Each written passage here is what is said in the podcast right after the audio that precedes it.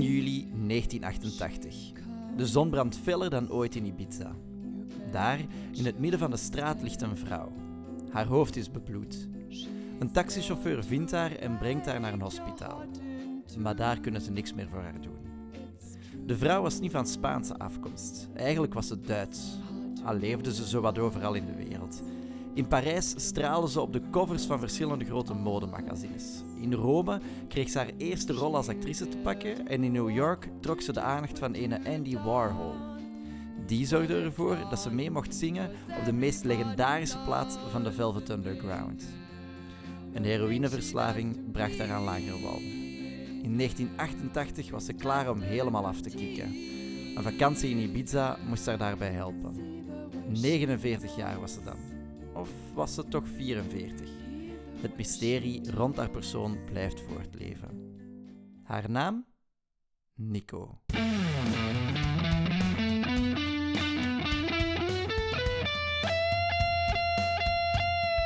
Liever snel naar de hel met Seppe en Sander. Welkom bij een nieuwe aflevering van Liever snel naar de hel. En we zijn nog steeds Seppe en Sander, zoals je hier in de intro natuurlijk alweer kon horen. En we hebben het ook nog steeds over legendarische muzikanten die op veel te jonge leeftijd stierven. Of naar ons eigen zeggen toch op jonge leeftijd stierven. In dit seizoen hebben we het ook nog altijd over de jaren 70. Ja. Dat is zowat het, het globale thema. Maar we gaan het vandaag hebben over een artiest die eigenlijk al groot is geworden in de jaren 60. Of die dat we eigenlijk al wat kunnen linken aan de jaren 60.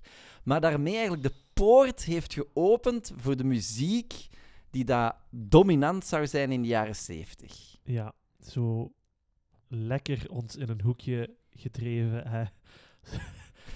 Zodat we maar iets over de jaren 70 kunnen zeggen. Ja, zodat we toch maar een beetje ons thema kunnen aanhouden. Voilà, jaren 70. Maar de, de, de persoon die we vandaag gaan bespreken, heeft wel degelijk in de jaren 70 geleefd. Hè? En Ja, heeft ja, elk jaar van de jaren 70 eigenlijk gezien. elk jaar. Van, het, van de jaren 70 tot 79, echt wel. Eh. En daarna ook nog. Even. Even toch, ja. Ja. Maar eh, ja, we, ja, we gaan het er ineens eh, eens een keer doorvliegen, want we hebben hier niemand minder dan Nico. Ja, Nico is hier in de studio. Eh, Nico welkom, Nico. Of Goed. moeten wij zeggen Christa? Christa Pefken. Ja, Ja, inderdaad. Want Nico is bekend als de zangeres van The Velvet Underground. Maar eigenlijk was Nico een Duitsstalige, of een Duitse zelf, die geboren werd in Keulen. Ja, en dat gebeurt eigenlijk, weten we dat niet 100% zeker. Hè? Het is ofwel Nee. in eh, 1938, net voor de, de Tweede Wereldoorlog, of in 1943. Ja, Ja. ja, ja. ja, daar doet ze altijd zelf heel mysterieus over. Ja, Reden waarom dat ze misschien zou liegen over haar leeftijd, is dat ze zich jonger voordeelt dan... Allee, dat ze zich ouder voordeed dan dat ze was. Om zo toch een beetje... ja. ja voilà, Ja. want eh, de go-pass van de NBS dat is maar tot Ja, 25. ja, ja, ja, ja, Dus als dat, je daar even eh, vier jaar vanaf kunt snoepen, dat voelde wel in de portemonnees. Hè? Hoho. Ja, maar ja, ze deed zich ouder voor dan dat ze was dan. Hè. Ah nee, jonger. Nee, ouder. Nee, jonger. Als Ah, je later geboren wordt, ben je jonger. Ja, ja, maar ze, deed, ze zei misschien dat ze van 1938 was. Dus dan doet ze zich ouder voor. Ah, maar ik dacht dat jij zei dat ze eigenlijk wou zeggen dat ze van 1943 was. Nee, nee, nee. Ze was misschien effectief van 1943, maar ze zei dat ze van 1938 was. Ah, ik dacht dat ze wou zeggen dat zij... Ah, dat is een interessante discussie dat we hier eigenlijk al meteen hebben. Dus ofwel wil ze sneller alcohol kopen, ofwel wil ze langer gebruik maken van de NBS Go-Pass. Ja, oké, dat is de conclusie. Voilà. Maar ja, dus Duitsland, hè, eh, ze wordt... Ze, ai, laten we zeggen dat ze geboren wordt in een interessante periode daar in In de Duitsland. geschiedenis, zeker wel. het was het een en ander aan de hand daar in Duitsland. Eh, voor voor eh, de mensen die het niet zouden weten. Hè, ehm, Tweede Wereldoorlog, Ja. Adolf Hitler hè, wil 6 miljoen Joden uitroeien en de rest van de wereld zegt nee, dat gaan we niet doen. En allee, er komt toch wel een conflict. Ja, oh, om het even kort samen te vatten. Geschiedenis voor herbeginners. Ja. Ehm, ja, en papa Nico moet mee gaan vechten. Ja. Hè, dus het is echt een, een klassiek Duits gezin. Vader moet gaan werken op het front. Ja. werken op het front. Mama moet ook werken in de fabrieken. En ja, Nico mm, ja, is kind van, van twee ouders die, die in het eh, Duitsland van de Tweede Wereldoorlog eh, ja, zal opgroeien. Ja. Papa zal er niet goed van terugkomen. Hè? En het is zelfs niet zeker of papa eigenlijk terugkomt, want Ja. er zijn ehm, verhalen die zeggen: oké, ehm, papa Nico wordt ja, neergeschoten of, maar, of heeft toch wel heel zware verwondingen die ervoor zorgen dat hij eigenlijk voor de rest van zijn leven in een ehm krankenhuis Ja, gaat zitten. ja, of meer, ja, niet echt een ziekenhuis, maar wel een, een psychiatrische Ja. instelling. hè. Een krankenkrankenhuis. Maar ja, dus ja, Nico en mama Nico die blijven dan eigenlijk alleen over, want aan papa Nico daar, eh, daar blijft niet meer veel van over. Eh, en die zullen dan eigenlijk ook na de oorlog verhuizen naar Berlijn. Berlijn. Ja. En daar zal Nico eigenlijk haar eerste aanraking ook hebben, laten we zeggen, met de, de wereld van de muses en zo. Hè. Ja. Ze gaat meer de kunstrichting in en dan nota bene de mode. hè. Ja. Ehm, en ze zal daar eigenlijk in een, een lingeriewinkel in de KDW Ja. werken in, in Berlijn. En op die manier gaat ze ook haar eerste aanraking krijgen met ehm, het modellenwerk. Hè. Eh, nota bene van eigenlijk een collega die daar ook in de KDW werkt. Eh, en met zijn naam ontglipt mij nu eventjes. Fotograaf Herbert Tobias. Ja, Herbert, Tho- het is zo'n Duitse naam. hè. Ja, dat, Herbert. Her, Her Herbert. Her Herbert, ja. Her Herbert die gaat, er, gaat zich eigenlijk een beetje over Nico ontfermen. Ja. Ehm, in die zin ook, want op dat moment heet Nico ook nog altijd gewoon Christa. Ja. En Herbert gaat Christa Nico noemen. En dat komt eigenlijk omdat Herbert, die eh, had eigenlijk een, ja, of- was eigenlijk tot over zijn oren verliefd op een bepaalde Griekse filmmaker, eh, Nikos Papatakis. Papadakis. En op een gegeven moment zegt hij gewoon tegen Christa van, ja, maar Christa, dat is niet zo'n mooie naam. Ik ga je vanaf nu gewoon Nico noemen. En Nico denkt, oké, mooie artiestennaam. Vanaf nu ga ik als Nico door het leven. Voilà. Dus Nico wordt geboren. Ja, Nico wordt geboren en ondertussen is ze ook al een klein beetje aan haar carrière aan het werken. Doordat ze eigenlijk wel in die modellenwereld zit, duurt het ook niet lang of ze gaat naar de stad van de mode. De enige echte modestad en dat is natuurlijk Parijs. In Parijs gaat ze dan ook heel veel modellenwerk doen voor ja, zowat alle grote modemagazines. ehm, voor, eh, ja, en, en voor alle grote modemerken ook vooral. Eh, denk aan eh, Coco Chanel.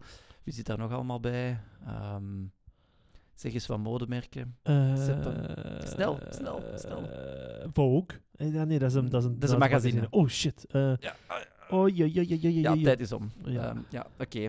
Maar in ieder geval, ja, wij kennen ook helemaal niks van mode. Maar het was blijkbaar toch echt wel een van de grote namen in de modewereld op dat moment. Ja, en ze werd ook wel gezien. En, en allee, in, in heel dat milieu is het zowel dat je ook wel andere mensen leert kennen. Ja, die, die modewereld die gaat dan heel vaak ook over in de filmwereld. Hè, want eh, mooie gezichten, je kent het wel.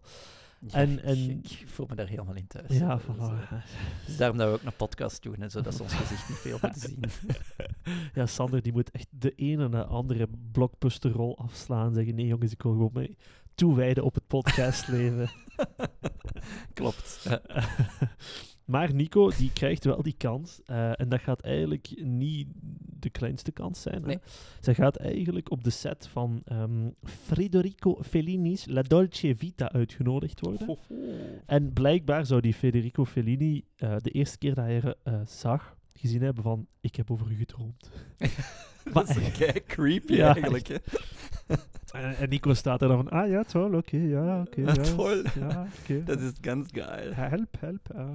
Dus eh, ja, dus die, die regisseur is volledig weg van haar. Allee, het is, het is een... Even misschien om Nico te beschrijven. Hè, ze, ze is mager, ze is bekend een meter tachtig, eh, blond, heel strakke kaaklijnen. Dus al die Ja. regisseurs die hebben zoiets van, wauw! Ja. Ehm, en, eh, eh, dus de regisseur Fellini zal zelfs zo ver gaan om eigenlijk een rol voor Nico te schrijven in de film La Dolce Vita. En die rol is Nico. Ja, dat is inderdaad het beste, want hij biedt dat aan aan haar. Ja, En zij zegt, ja, maar ik heb nog nooit geacteerd, ik weet niet eens of dat ik dat kan. En hij zegt daarop van, ja, maar dat, dat is niet erg. Ik heb de rol Nico voor u geschreven. Ja. En dan denkt als van, ja, eh, wat de fuck maar ehm, dat is eigenlijk wel haar visitekaartje en zal haar visitekaartje zijn voor eigenlijk heel veel toekomstige samenwerkingen Ja. die ze zal doen, ook in de muzikale wereld. Hè. ja, want het is... Doordat ze dan in die La Dolce Vita voor een eerste keer eigenlijk gaat... eh, ja, een figurantenrolletje misschien op dat moment nog wel, wel spelen. Daarna gaat ze ook een eerste grote rol te pakken hebben in de film Striptease. Ehm, dat is een film van Serge Gainsbourg. En daar gaat ze dan ook de title track, dus een, een, nummer van de film, gaat ze dan ook inzingen. En dat is het nummer, eh, Striptease volgens mij ook dat het gewoon heet. Dus dat is ja, zo de eerste keer zo wat met muziek. En het is nog altijd een muziekpodcast, vergis u niet. Eh, dus misschien is dat- Muziek slash drugs. ja, ja, ja. De- de- de- on- onofficieel. maar ehm, misschien moeten we daar toch eens even naar luisteren. Naar dat eerste nummertje met, eh, met Nico erin. En, eh, Ja, laten we dat even doen. Est-ce pour vous que je striptease Que voulez-vous que je vous dise Jour après jour s'en vont Une à une mes illusions. À chaque nuit un autre automne Ces feuilleraient bien monotones. Et tout ceci pour qui, pourquoi? Zo, dus het eerste nummertje dat Nico ooit heeft uitgebracht, Striptease, voor de film Striptease van Serge Gainsbourg. Serge Gainsbourg. Ja. En dat is eigenlijk ook het moment dat ze, ja, ook wat meer, eh, doordat ze wat meer in de artiestenmilieutje zit, dat meer in de acteursmilieutje, dan leert je ook al wel eens wat andere acteurs kennen natuurlijk, hè, Seppe. En daar zal ze dan ook de Franse acteur Alain Delon kennen. Alain kennen. Delon, ja. Dat is een beetje zo de, de Franse James Dean van zijn tijd. En ja, daar, die twee die gaan daar een, een, een passionele relatie eigenlijk aan, waar dat dan ook een liefdeskind uit voort zal vloeien. En dat liefdeskind eh, heet, eh, ik denk Christophe, maar eh, zij heet het, eh, haar kindje eigenlijk altijd Ari. Dus op dat moment wordt ze mama. Nu, ja, ze zal niet de allerbeste mama zijn. Seppe? Eh, nee, want... Maar gaan we dat nu al zeggen? Nee, hè? Nee? Want Ja, er komt zelfs nog een verrassing. er komt zelfs nog een verrassing, maar we kunnen al wel zeggen dat ze heeft echt wel een nomade bestaan. Hè. We moeten eigenlijk al bedenken, ze heeft eh, eerst in. Ze, heeft, ze komt uit Keulen, is naar Berlijn gegaan, naar Parijs voor ons gegaan, de film in Rome gegaan, terug Ja. naar Parijs gegaan. Ze woont dan ergens in Frankrijk, waarschijnlijk rond Parijs. Ja, binnenkort zal ze nog naar een heel aantal andere grootsteden ook gaan. Ja, en dat kind... Ja, dat zit er zo wat voor spek en bonen zo wat bij.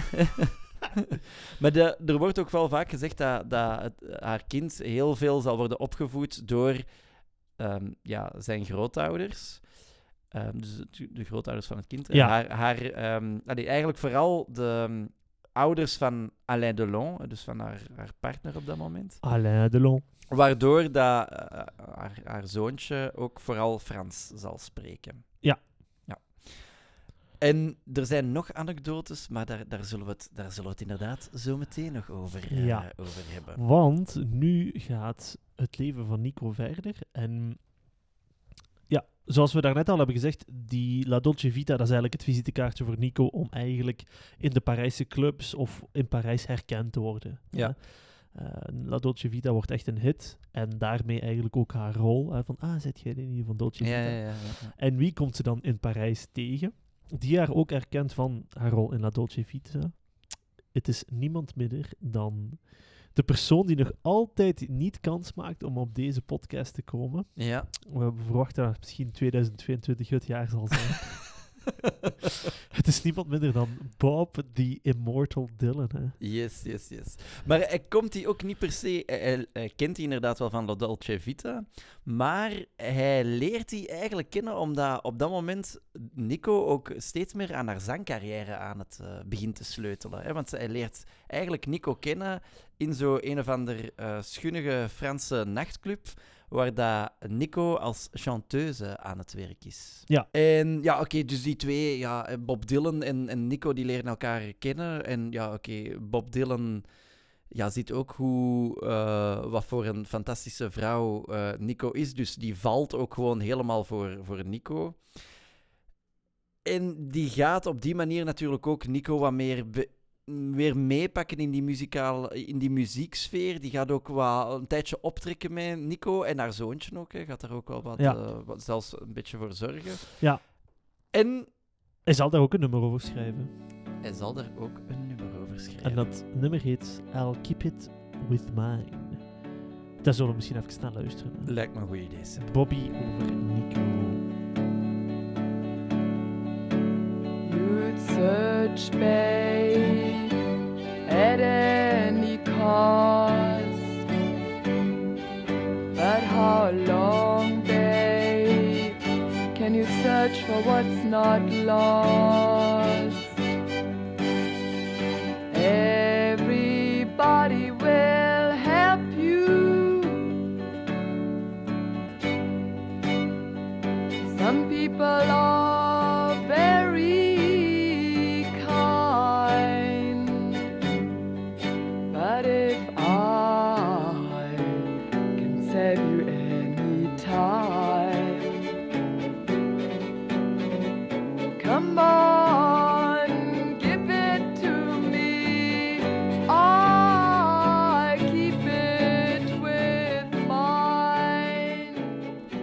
dat is een, een nummer dat hij voor haar heeft geschreven.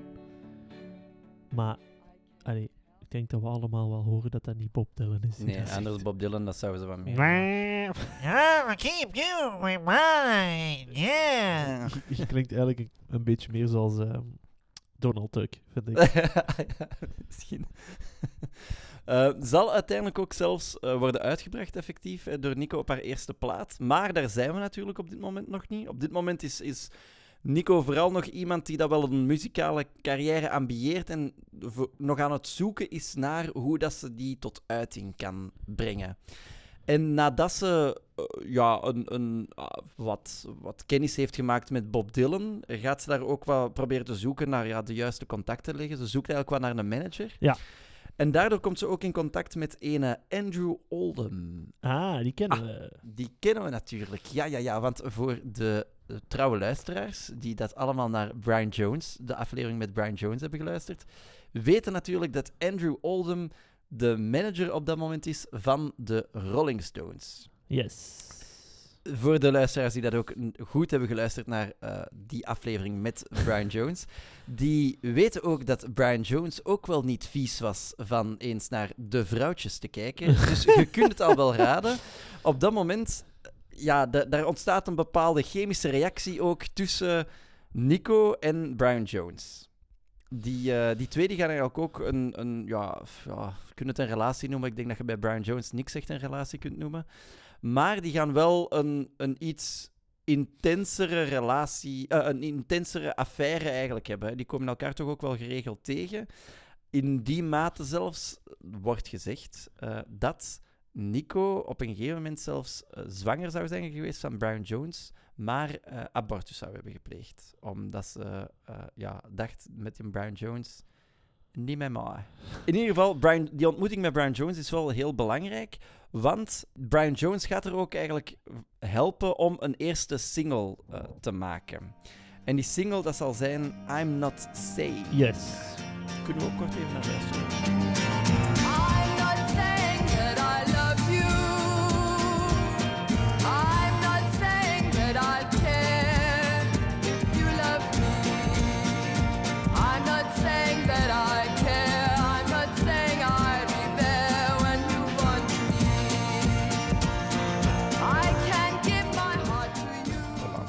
Hele mooie fade. Een hele mooie fade-out. Ja. Zo professioneel zijn Nu dat. I'm Not Saying... ehm, ja, we hebben eh, Andrew Oldham al aangehaald, Brian Jones, maar er zit nog iemand om de look te hoeren. Ja, ja, om ja. de look te hoeren, wauw.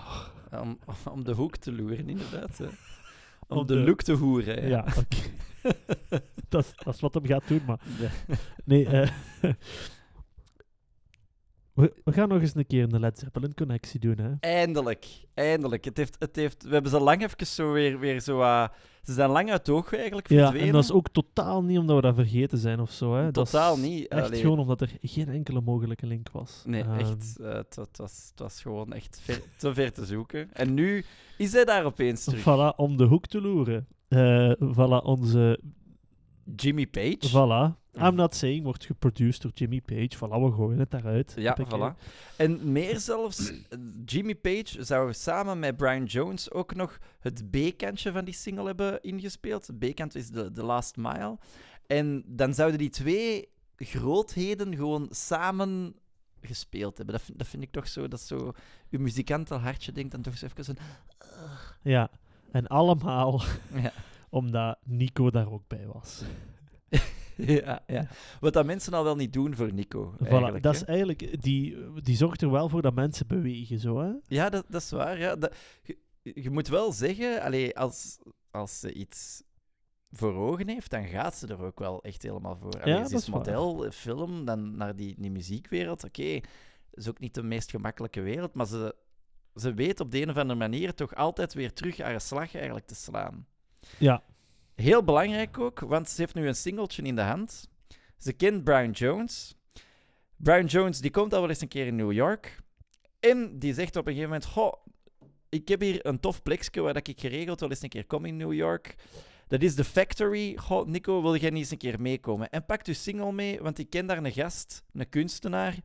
En ja, die, die vindt dat wel eens een keer plezant om zoiets naar, naar, naar, naar wat muziek en zo te, te luisteren. Die is ook zo met van allerlei van die vage, kunstzinnige projectjes bezig. Ehm, die gaat u sowieso ook wel tof vinden. En dan hebben we natuurlijk over niemand dan Andy Warhol. ja, Mr. Warhol. Die trouwens haar ook herkende van Dolce Vita. Wat dat, La Dolce, dat is eigenlijk zot, want La Dolce Vita, oké, grote film wel geweest dan in die tijd. Maar dat blijft ook maar een kleine rol dat hij heeft gespeeld. Hè.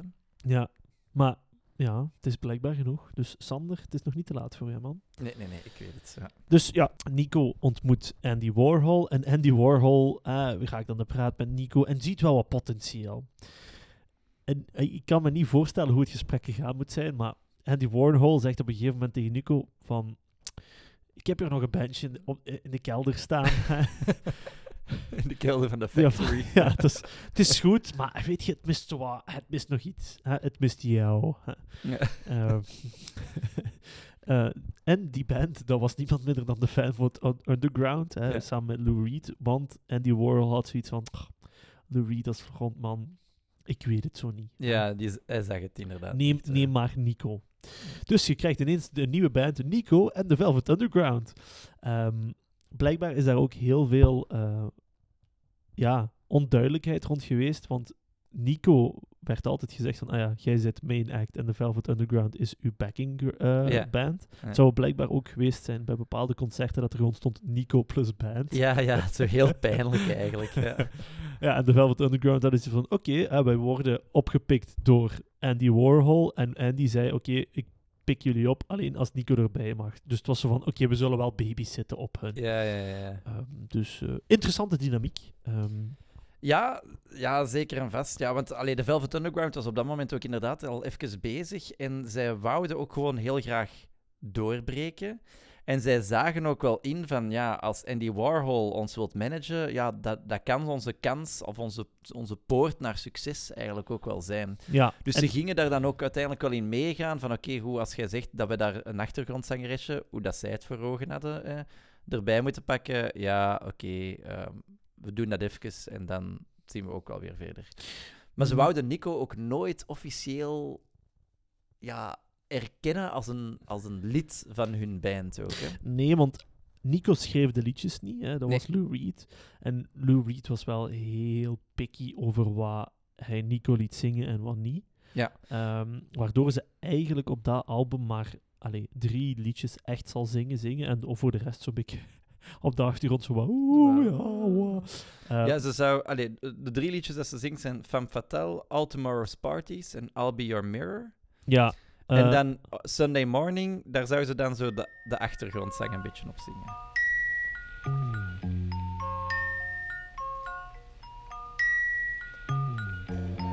Sunday morning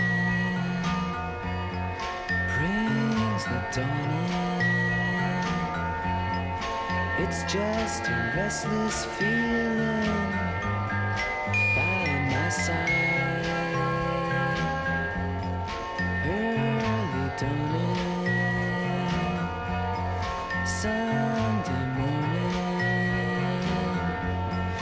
It's just the wasted years so close behind. Watch out,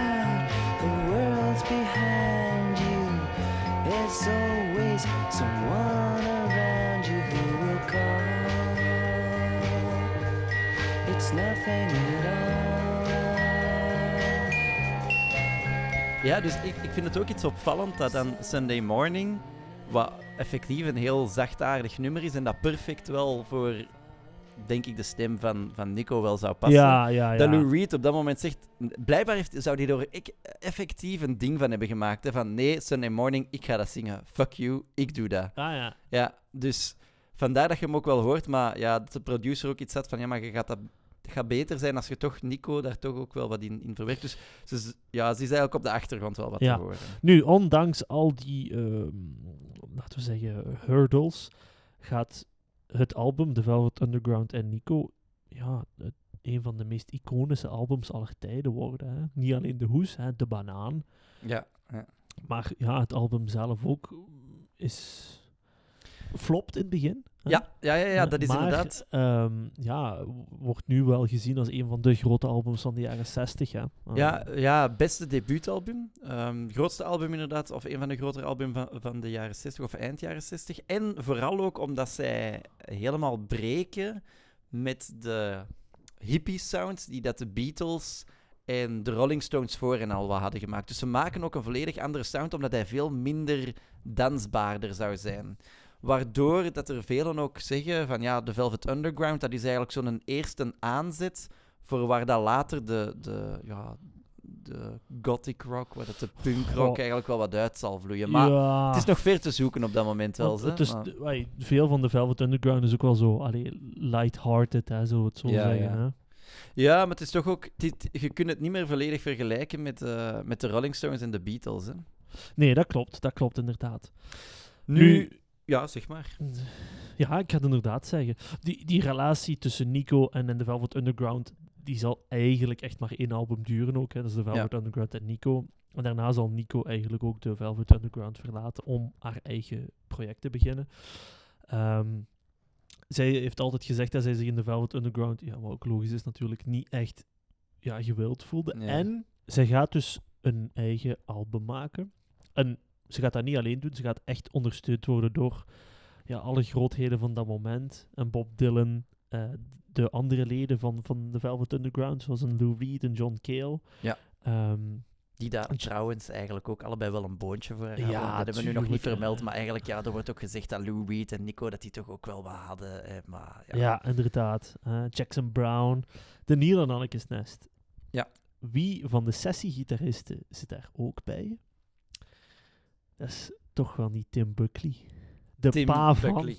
Vader van Ja. Jeff Buckley. Weet je nog, met- vorig jaar toen we hier zaten, Sander? toen dat we deze podcast gewoon starten, goh, goh, het, komt, hè? het komt allemaal terug. Het is wel ongelooflijk hoe dat heel veel van de artiesten die we inderdaad al besproken hebben, die komen allemaal wel zo wat terug met Nico. Ik had het niet verwacht. Nee, we gaan vanaf nu in plaats van de Led Zeppelin Connection, de Nico Connection. Ja, de- inderdaad. Ja, ja. Of liever, liever snel naar de hel wordt vanaf nu gewoon Nico. Nico naar de hel. Ja. Voilà. Nu, dus dat album, hoe gaat dat noemen? Chelsea Girl. Waarom gaat dat Chelsea Girl noemen? Dat is eigenlijk een referentie naar een film van Andy Warhol. Waar dat ze ook in spe- meespeelt. Ja, inderdaad. Heel leuk weetje, even eh, on a side, side note, dat ik onlangs ook had gelezen in de research hier naartoe. Zij heeft dus op, in meerdere films van Andy Warhol gespeeld, waaronder ook een Batman-film. Andy Ah. Warhol heeft een Batman-film gemaakt. Super vaag. Of course. Ehm begrijpt er niks van. Maar dus Nico zou dan op een gegeven moment ook zo wat, ja, voor de marketing daar rond ook in een, een Batman-kostuumetje zo wat hebben geposeerd en zo. Maar eh, niet officieel erkend in de, de Batman-franchise. Dus eh, Oh. omdat het niet officieel iets van DC Comics was voor de, de nerds onder ons die het er wat van, van kennen. On a side note. Maar dus, note. we zitten nog altijd bij Chelsea Girls. Voilà, Chelsea Girl. De album, eigenlijk wordt dat heel positief ontvangen. Waarom? Ja, je zit met een krak van, van ondersteuning erbij. Eh, het zijn eigenlijk wel weer nummers die niet door haar geschreven worden. ja. Dus ze heeft heel veel het gevoel dat de album niet van haar is. Eh, ze wordt ook helemaal niet betrokken in de production, of de, de productie van het Ja. album zelf. Dus ze heeft geen keuze voor, ah, ik wil extra drums, extra gitaren. Ehm, en ja, het album wordt ook wel ja, niet overgeproduced volgens haar, maar er, er zijn heel veel instrumenten bij waar zij zoiets heeft van, oh, hè, mannen, dat gaan we er niet in steken. Hè, nota bene. Ja. Vooral de, de strijkinstrumenten, maar En- dan vooral ook de fluit. Ja, De fluit. It, fuck, it, it fucked the album up. voilà. Ze, Ja. die had, ze ze had zoiets van, kijk, ik heb al aan genoeg fluiten getrokken. eh, ik wil niet dat ook nog eens in mijn album hebben. Nee, maar effectief, het, ga- het gaat later ook echt heel goed ont- ontvangen worden. En een van de, de topnummers daar ook wel van is het nummer These Days. These days. En oprecht een goed nummer. Ja. hè. Stel voor dat we daar even naar luisteren Ja. dan ook.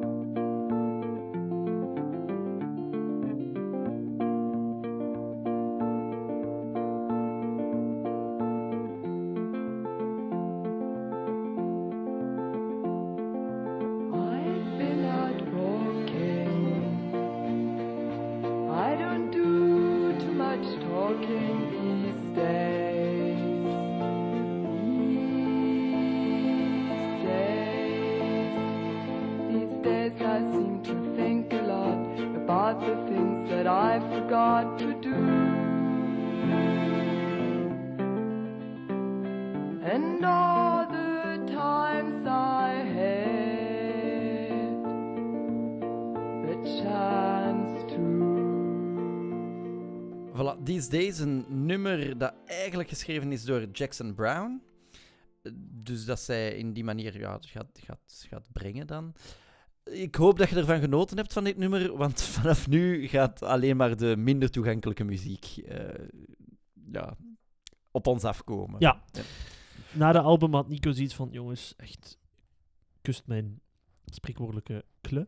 Eh, Ja. Ik ga doen wat ik wil. Ja. En ze wordt daar eigenlijk toch wel ondersteund door niemand minder als Jim fucking Morrison. Maar jongens, echt, dat is toch ongelooflijk. Alle grootheden van die tijd hebben zich allemaal in alle bochten gevrongen, denk ik, Ja. om gewoon maar iets voor Nico te doen. Allee, Allee, want eh, Jim Morrison, op dat moment zitten we ook gewoon echt bij Jim Morrison, zo in het laatste kwartier van zijn leven. En die heeft Ja. zoiets van, ah wel, ik ga Nico hier helpen, ik moet Nico helpen. Dat is, als er iets goed is in mijn leven, eh, wat ik moet doen, dan ga ik gewoon zeggen, Nico, schrijf je eigen nummers, ik ga nu in bad kruipen en er niet meer uitkomen. Ja, maar effectief, ze gaat haar eigen nummers eh, beginnen schrijven. En Jim Morrison gaat dan ook zeggen van ja, misschien is het niet slecht als jij wat probeert, allee, als je iets, iets voor jezelf schrijft, dat je ook een instrument hebt om je wat op te gaan begeleiden, zodat je op die manier toch ook wel wat, wat hebt. Hè? en dan gaat daarvoor het niet-typische instrument, ha- de harmonium, eh, kiezen. Ja. Hoe, hoe dat ze het in het Engels zeggen.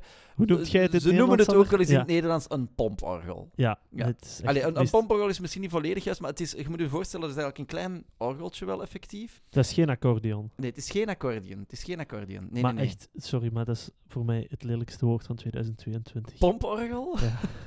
Wat de? Pomporgel klinkt ook zo alsof dat je zo, ik weet niet, zo binge drinking hebt gedaan of zoiets. Zo.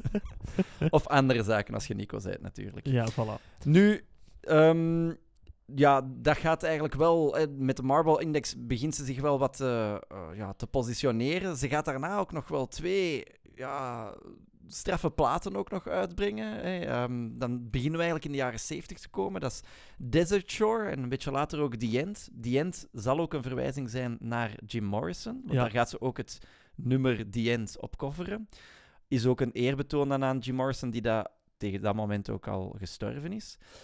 Maar een nummer dat ik misschien eerder nog wil laten horen is het nummer Janitor of Lunacy. Dat ook een eerbetoon zal zijn aan Brian Jones, die dat, wanneer het album Desert Shore wordt uitgebracht, net gestorven is. En het is ook daar, vind ik, dat je wel het... het ja, één, dat je alle aspecten waarvan dat je denkt van, what the fuck, waar is Nico mee bezig, mooi samenvat. Dus je, je, je ziet daar enerzijds, eh, hoorde daar hoe de redelijk atypische sound, de minder toegankelijke sound en ons pomporgel hoorde daar toch ook wel, of harmonium, hoorde daar toch ook wel mooi op de achtergrond. Dus ik stel voor dat we toch ook even naar Janitor of Lunacy luisteren. Yes.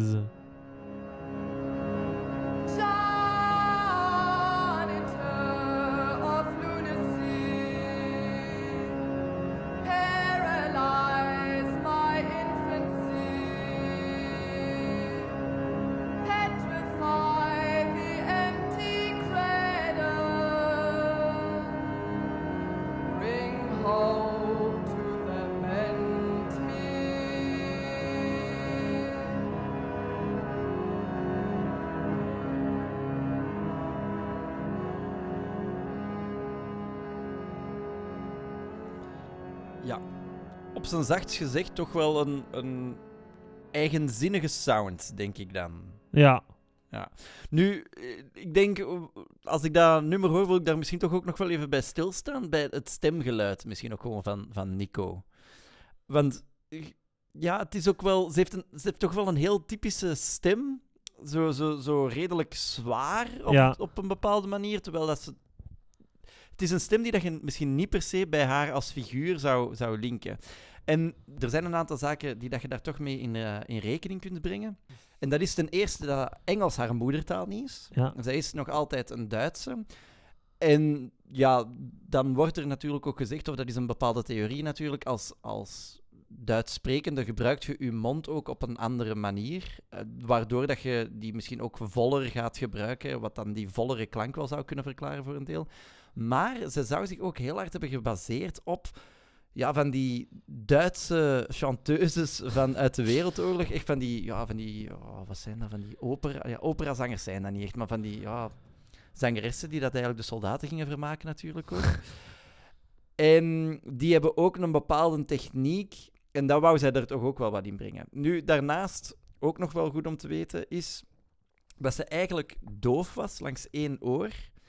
Waardoor dat zij ook niet altijd even toonvast zong. En wat ook zou kunnen verklaren, waardoor dat ze op een bepaalde manier zingt, Ja. zodat zij zichzelf intern eigenlijk beter kan horen. Nu, ja, oké, goed, dat zijn eigenlijk allemaal bepaalde theorieën die dat er zo rond doen. Seppe, zet jij fan van haar zangstijl? Ehm, hoe moet ik het zeggen? Ik denk dat daar een plaats voor is. Ehm, ik denk ook... Allee, het is zo niet gelijk bij Johnny Rotten dat je zoiets hebt van... Oké, die, is, die kan niet zingen en daar zit niet in. D- er zit zo wel iets. En ik denk zo...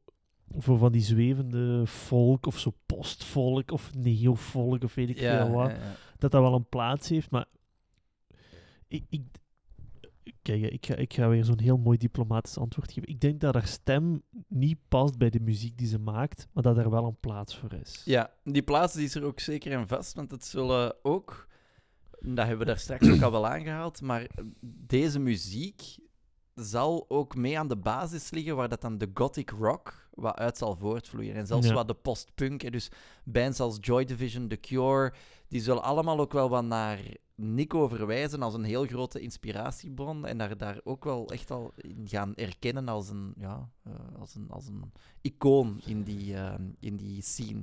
Zonder dat ze het zelf ook doorhad. Ja, Ook die gothic scene moet je ook bedenken, vanaf dat zij de Marble Index daar neerzet, gaat ze ook een bepaald ehm, ja, persona, een persona aan, Mhm. aanmeten eh, als ze op het podium staat. Ze gaat namelijk altijd volledig in het zwart gekleed gaan. En ook zo'n volledig zwarte kledingstijl, dat zien we dan ook later weer terug in die gothic scene. Dus onbewust gaat ze eigenlijk aan de basis liggen van wat later de, de gothic rock zal zijn. ja, dat klopt. Maar ja, onze Nico heeft het na die drie albums eh, die dat ze dan zelf helemaal heeft gemaakt ook wel wat gehad. En bes- dus besluit ze om toch maar eens terug naar de filmwereld te gaan. Ja, en vanaf dan gaat het eigenlijk wel een klein beetje bergaf met haar. Hè? Ja. Want in die filmwereld leert ze daar een, ja, een eh, regisseur kennen. Eh, met de naam Philippe Garel. Ehm, en zij zal ook eh, in films van Philippe, Philippe Garel spelen.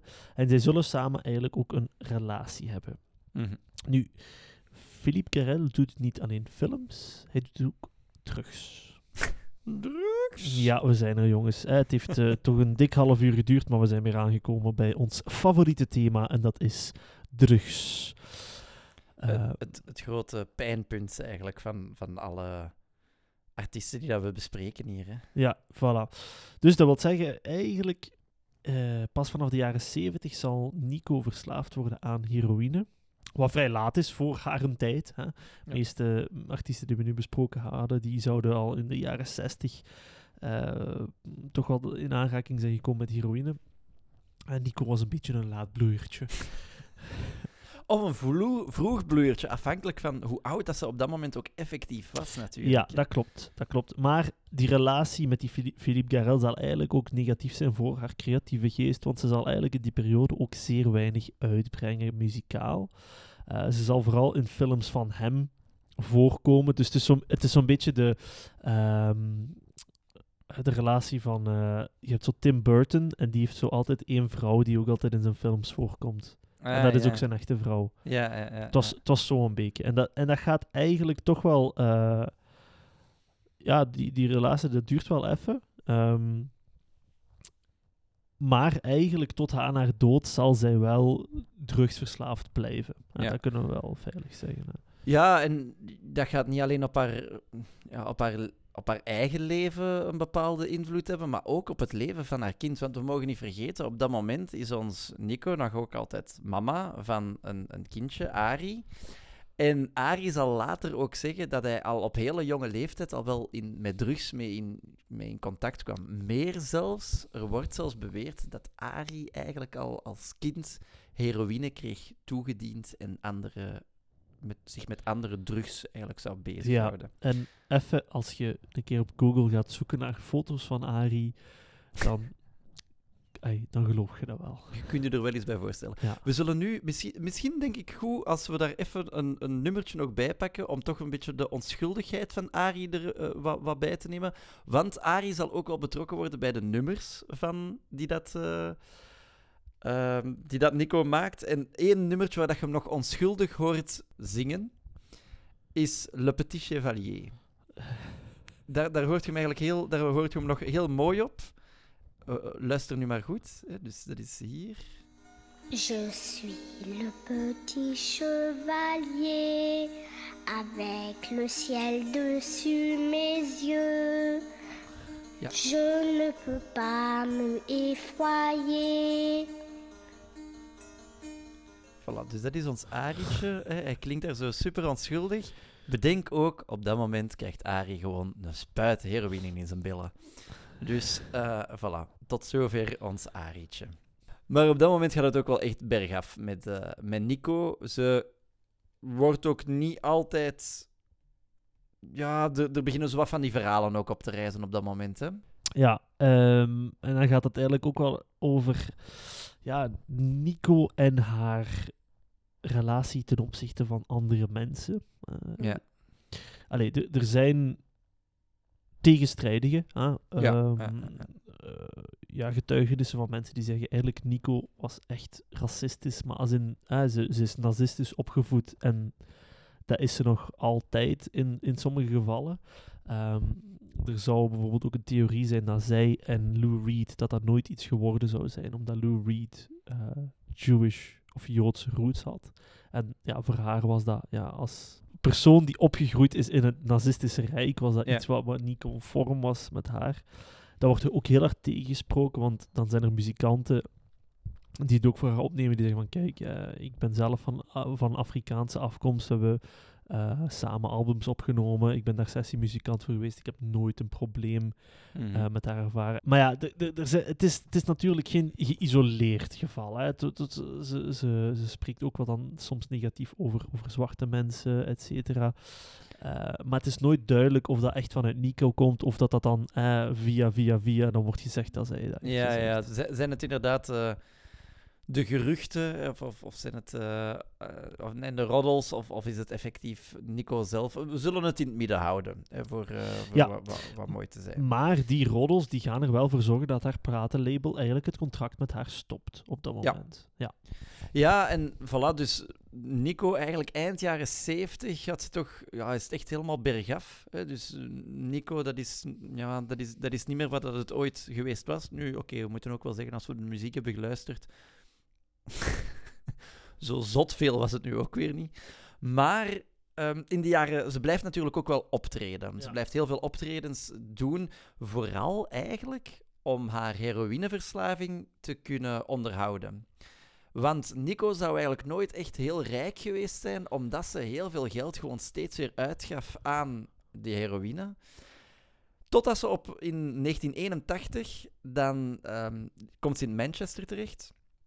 Ze doet daar dan ook een, een, een show. ehm, en ja, de, de promotor van die show, dat is Ellen Wise, die gaat nadien gaat hij naar Nico, heeft er een klein babbeltje mee gezegd van, ah ja, dat was wel goed. Waar verblijft hij eigenlijk in Manchester? En Nico moet op dat moment zeggen, ja, ik, ik ben hier wel, maar eigenlijk... Ik heb geen hotel of zo. Ik heb eigenlijk niks echt vastgelegd. Ik weet nog niet waar ik vanavond naartoe ga. Waarop dat Ellen Wise dat zo denkt van... "Hm, dat is wel wat raar. en voorstelt... Oké, blijf anders gewoon bij mij. Eh, je kunt bij mij blijven slapen. eh, geen probleem. Eh, en zelfs... Allee, of dat weten we in ieder geval nog niet. Maar zelfs echt puur vriendschappelijk. Wat, wat toch ook wel een first is, denk Ja, ik dan. voilà. in, in, in Nico Ze eindelijk de fluit te kunnen weren. Nu, dus ze, ze verblijft dan eigenlijk in Manchester. En die Ellen Wise gaat er eigenlijk toch ook wel weer wat aanmoedigen om zo terug wat meer actiever met muziek bezig te zijn. Want Nico, de laatste keer dat ze nog iets heeft uitgebracht, dat zal in 1974 ongeveer eh, ge- geweest zijn. Dus ze heeft op dat moment al ja, zes, zeven jaar eigenlijk niks meer gedaan. Dus rond 1983, denk ik ongeveer, gaat ze dan een nieuw album uitbrengen, Drama of Exile. En dat gaat, daarmee gaat ze ook wel wat breken met dan de duistere gothic muziek die dat we eerder hadden gehoord. Die gaat meer, er gaat, gaan meer beats in zitten. Gaat eigenlijk wat meer terug neigen naar de Velvet Underground.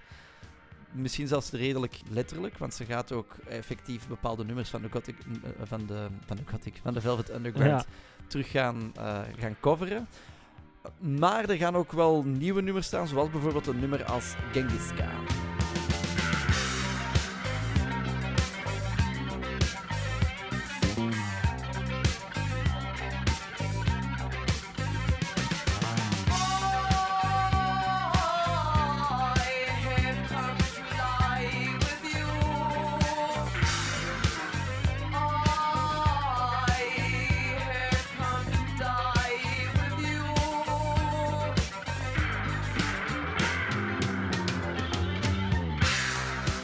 Dus we krijgen in 1983 het album Drama of Exile. En eigenlijk gezegd, dat gaat eigenlijk terug, eh, laten we zeggen, een productieve periode voor haar inluiden, waarin dat ze veel muziek gaat maken, veel samenwerken ook met andere artiesten, want dat is eigenlijk wel iets wat haar typeert. Hè? Ja, Zij is ja. echt wel de artiest die samenwerkt met andere artiesten, die veel covers ook gaat doen, of, of herwerkte versies van liedjes. Ze zal altijd wel de Velvet Underground ook in het achterhoofd houden, als ik het zo mag zeggen. Terwijl dat ze er ook niet altijd mee gelinkt per se wou worden, want ze wou ook wel loskomen van het label Velvet Underground. Ja, maar, maar toch, je voelt wel dat er ergens een, een, laten we zeggen, een muzikaal wederzijds respect tussen die mensen Mhm. is. En, allee, gelijk het liedje dat we daarnet hebben gehoord, je hoort echt wel die 80s vibe keihard daarin. Hè. Eh, Ja, je hoort inderdaad dat er een nieuwe, een nieuwe sound in zit. Nota bene, dat nummer is, en, en heel dat album is ook niet op Spotify of zo te vinden. Dus eh, Oeh, helaas, helaas. Apple Music als ons wilt sponsoren, nu kan het, hè. Eh, maar voilà, dus eh, de synthesizer komt ook veel meer naar voren. Ehm, ze, ze, gaat in, ze heeft in de jaren 70 ook nog samengewerkt met Brian Eno. Dat is zo'n beetje zo ja. de synth-man van, van de jaren 70, 80. Ehm, en ze zal eigenlijk nog één laatste album ook uitbrengen in 1985, Camera Obscura. Ja, wat kunnen we daarvan zeggen, Sander? Ja, het is, het, is, het is haar laatste album. Ehm, he- het, het laatste lied is, is König, waarop dat zij ook alleen met haar eh, harmonium eh, te, te horen is en, en, en haar stem dan. Ja. Ehm, een groter nummer dat daarop gespeeld wordt is My Heart is Empty. Of dat is zogezegd een bekender nummer daarvan. Maar ja, heel veel kunnen we er niet echt over zeggen. Ik stel voor, 1985. We spoelen even door. we, we gaan naar- even doorspoelen. Ja, en dan gaan we toch wel naar 1988 moeten gaan. Eh, want ja, daar stopt het eigenlijk voor haar. Hè? Ja. Dus we, we schetsen het nog even. Ze is helaas nog steeds heroïneverslaafd, maar ze begint wel te vechten tegen die demonen. Ja, ja, ja. En ze gaat eigenlijk proberen af te kicken. Dus dat wil zeggen, ze gaat eigenlijk een methadonkuur eh, beginnen, die ervoor zorgt eigenlijk dat je eerst verslaafd raakt aan methadon, omdat dat gemakkelijker is om af te bouwen voor eh, die heroïneverslaving gemakkelijker Ik vind het altijd zo zot hoeveel dat jij afbouwen. weet van, van drugsverslavingen eigenlijk. Takes one to know one. nee, dat is niet waar. hè. Eh, maar hè, zij zal dus eigenlijk in, eh, in juli van 1988 samen met haar zoon op vakantie gaan naar Ibiza. Dus dat is de zoon Ari. Hè? Ja. Ari die tot op de dag van vandaag nog steeds niet erkend wordt als zoon van Alain Delon. Ehm, ah, is dat echt? ja. En ja, weet je, voor haar was dat eigenlijk ook een beetje de, de, de retreat. Hè? Mhm. om, om af te kicken van drugs. Het was blijkbaar ook een hele warme zomer. Op een gegeven moment gaat Nico zeggen tegen Ari: Yo, ik heb zin in een toet. En de marihuana is op, dus ik ga eventjes met de fiets naar de lokale wietbakker.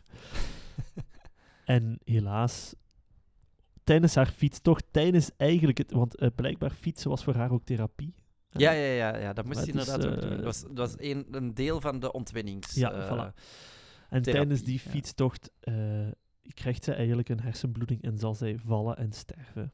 Het is eigenlijk eh, een beetje een raar voorwand. Ze wordt dan eigenlijk gevonden en eerst denken mensen, oei, ze heeft misschien eh, hitteslag. Ja, ja. Eh, en daarna wordt dan gezien, oei, ze heeft misschien eh, een hersenschudding, weet ik veel wat. En dan eigenlijk daarna in autopsie of weet ik veel wat, wordt eigenlijk gezien, oké, ze had eigenlijk gewoon echt een hersenbloeding. ja. Eh, goh, door wat komt die hersenbloeding? Ja, het kan misschien wel een gevolg ook zijn van, van, van ja, druggebruik hè, of, of langdurig druggebruik. Maar eh, ik, wil nog even terugkomen ook. Oké, Nico sterft in 1988. eh, gelijk je al zegt, die heeft wel echt een stempel nagelaten op die new wave scene eigenlijk. Hè. Ja. We hebben het daar bij, bij Ian Curtis al gehad, bij Joy Division. Die, dat was ook eigenlijk voor, voor hem een inspiratie. Maar ook The Cure. Ja. Robert Smith van The Cure ziet haar als een hele grote inspiratie. Ook Morrissey zegt van, ja kijk, dat was eigenlijk voor mij staat hij eh, in mijn top drie van, eh, eh, van inspiratie samen met Frank Sinatra en Elvis Presley. En dat is eigenlijk iets wat voor mij verrassend was. Omdat ik, allee, we, we hadden Ja. nu besloten om Nico te doen. dachten van, oké, Velvet Underground, interessant. Toch wel zo'n beetje mede zaadjes geplant voor New Age. En dan toch zien dat die als artiest een hele grote impact heeft gehad op andere artiesten. Ja, ja, ja. Als je nu terugkijkt, eigenlijk is ze een muzikant. Hè. Het, is, Ja. het is niet... Allee, want oké, ze is wel bekend geworden door haar modellenwerk en door haar acteerwerk, maar eigenlijk heeft ze ook een hele grote impact nagelaten op de muziekwereld. Hè. Ja, en dat verbaasde mij eigenlijk ook nog Ja. wel. Want ik, ik, ik, ik weet, eh, toen dat we eh, besloten om Nico te doen, ik stond er een klein beetje zo wat... Jij was niet de enige die besloot... Nee, nee, ik ga het niet zeggen. Nee, nee, nee. Om Nico te doen. Ja. Maar ik zat er zo'n klein beetje van trouwig tegenover, omdat ik zo het gevoel had van, oh, Nico, wat stelt hij eigenlijk muzikaal voor? En het blijft nog altijd een muziekpodcast. En ja, ik was ervan verschoten hoeveel dat ze uiteindelijk... Ze heeft uiteindelijk zeven albums wel, Ja, wel uitgebracht. En, en daar toch ook wel heel wat mensen die wel naar haar refereren. En allee, we moeten hier ook in deze podcast kijken. De Velvet Underground hebben we maar heel even moeten aanhalen. Hè. Ik dacht dat we veel langer bij de Velvet Underground gingen stilstaan. Ja, inderdaad. Nee, dat klopt. Allee, als we het, zeker als we het nu vergelijken met Sid Vicious, dan houdt zij zeker stand. Hè. Ja, ja Sid Vicious. Ja, Sid Vicious heeft natuurlijk ook eh, veel minder lang dan, dan, dan haar geleefd. Hè. Eh, ja, dat klopt. Nico had nog wel wat meer eh, marge om nog wel wat andere dingen uit te brengen. Sid Vicious heeft dat niet meer gedaan. Maar ja, ze, ja, ze- eh, ver- ja wonderenswaardig, dat Ja, moeten we bo- toch wel zeggen. Ja, voilà. Ja. Ze- Van ons krijgt zij een dikke pluim.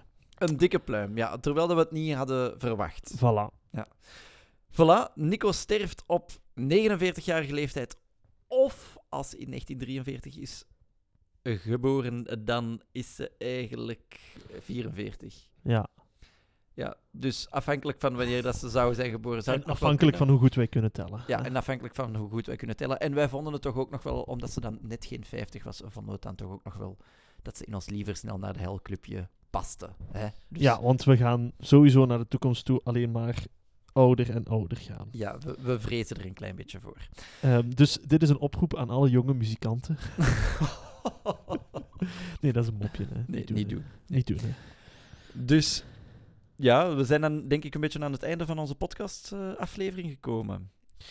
Ja, ik, ik vond het wel interessant. Ik denk, ik denk nu echt wel dat als we zo zouden zeggen van kijk, we gaan nog eens echt een deep dive doen op Nico, dat we nog zo wat, wat dingen te weten gaan komen. zo de nitty gritty, zo weet je? De, maar ja, dat, dat bleef mij wel verbazen bij te luisteren naar Nico, of de research doen over Nico. Er zijn heel veel verhalen over Nico wel. Nico blijft nog altijd wel een redelijk mysterieus figuur, Ja, maar die dat wel echt letterlijk iedereen kende van die tijd. ja, we zouden eigenlijk misschien nog zo'n link moeten vinden met Janis Joplin en Jimi Hendrix. Ja, die zullen, ja, mogelijk dat die er wel zijn. Ja. Ik zou dat niet uitsluiten. Want uiteindelijk, Nico was samen met Brian Jones. Heeft Brian Jones ook vergezeld op het Monterey Pop Festival. En wie was er op het Monterey Pop Festival? Dat was Janis Joplin, ja. Janis Joplin en Jimi Hendrix, die dat daar ook allebei waren. Ah, Want ja, Brian Jones juist. ging Jimi Hendrix toen aankondigen. Ah, ja. Dus het kan bijna niet anders dan dat die elkaar minstens eens gekruist hebben gehad. Of minstens een keer een knipoog hebben ge- uitgewisseld. Dus... Of misschien werd er zelfs een fluit bespeeld. Ja, zoals we weten, eh, Jimi Hendrix die dat zich daar dan in de wc ging zitten en eh, eh, waarbij dat iedereen mocht langsgaan. Wie weet stond Nico ook wel in dat rijtje. toen. En misschien wel aan te schuiven naast Ja- Janis Joplin, eh, dus in de, de VIP-rij. Voilà. Of, of wie weet zaten zij ook in het toilet, hè? Wie weet, ja, in een andere. Ja, ik denk het eigenlijk ook wel dat er meer mensen bij hen eigenlijk stonden aan te schuiven dan... Dan bij eh, de Jimmy. Ja, voilà. Maar eh, ja, goed, we zijn ze nu weer helemaal aan, het- aan het seksualiseren. en, en uiteindelijk eh, hebben wij alle respect Seks, voor... drugs en rock and roll. vrouwen. Dat is deze podcast. Ja, seks, drugs en rock and roll. Voilà, ik stel voor dat we onze podcastaflevering afsluiten met nog één nummertje van Nico. Ja. Heb je een voorstel? Wel, het nummer dat op haar begrafenis zou zijn afgespeeld, dat is het nummer Mutterlein. Ah, wel, dan gaan we dat gewoon doen. Voilà. Dus ik... eh, Oké, voilà. Voilà, wij gaan er volgende keer weer zijn met een nieuwe artiest die nogmaals gelinkt gaat zijn met iets van de jaren 70. Ja. Ehm, vergeet zeker niet om ons te liken op Facebook, ons te volgen op Instagram en zeker ook onze afspeellijst die op Spotify staat te, te liken, Ja. zodat je alle nieuwe nummers die wij daaraan toevoegen En kan ik weet volgen. het, we hebben hem even niet meer zo goed geüpdate, maar dat komt in orde. Ja, dat komt in orde. Bij deze is het rechtgezet. Voilà. Nu. Ja. Als je dit hoort, dan is het in orde. Ja. Amai. Ja. Ik heb mezelf nu even een druk opgelegd. Maar we kunnen dat samen doen, hè, Ja, ja, dat is waar. dat is Ehm, ja, volgende week. Dat gaan we nog eens bespreken in de coulissen. Hè? Ja, ik ben, ik ben een klein beetje aan het denken, want we hebben nu wat de link gelegd. We hebben eh, twee artiesten besproken eerst, dat Sid Vicious en Ian Curtis, die dat allebei in Europa, eh, in, in, in ehm, Londen eigenlijk zo zaten, of, of, allee, of toch in Engeland zaten. Nico die dat dan in Europa gaat, maar die dat dan een vliegtuig heeft genomen naar New York. Dus ik stel voor om misschien eens een keer te kijken naar die artiesten die dat aan de andere kant van het water zich bevinden. Ja. Zo wat in, in de New Yorkse kringen misschien. dat kunnen we een keer bekijken. Ja. Ça va? Voilà, dat, dat zullen we bekijken. Oké. Sander, tot de volgende. Tot de volgende en hopelijk jullie toch ook nog altijd tot de volgende. Ja. Oké, ciao.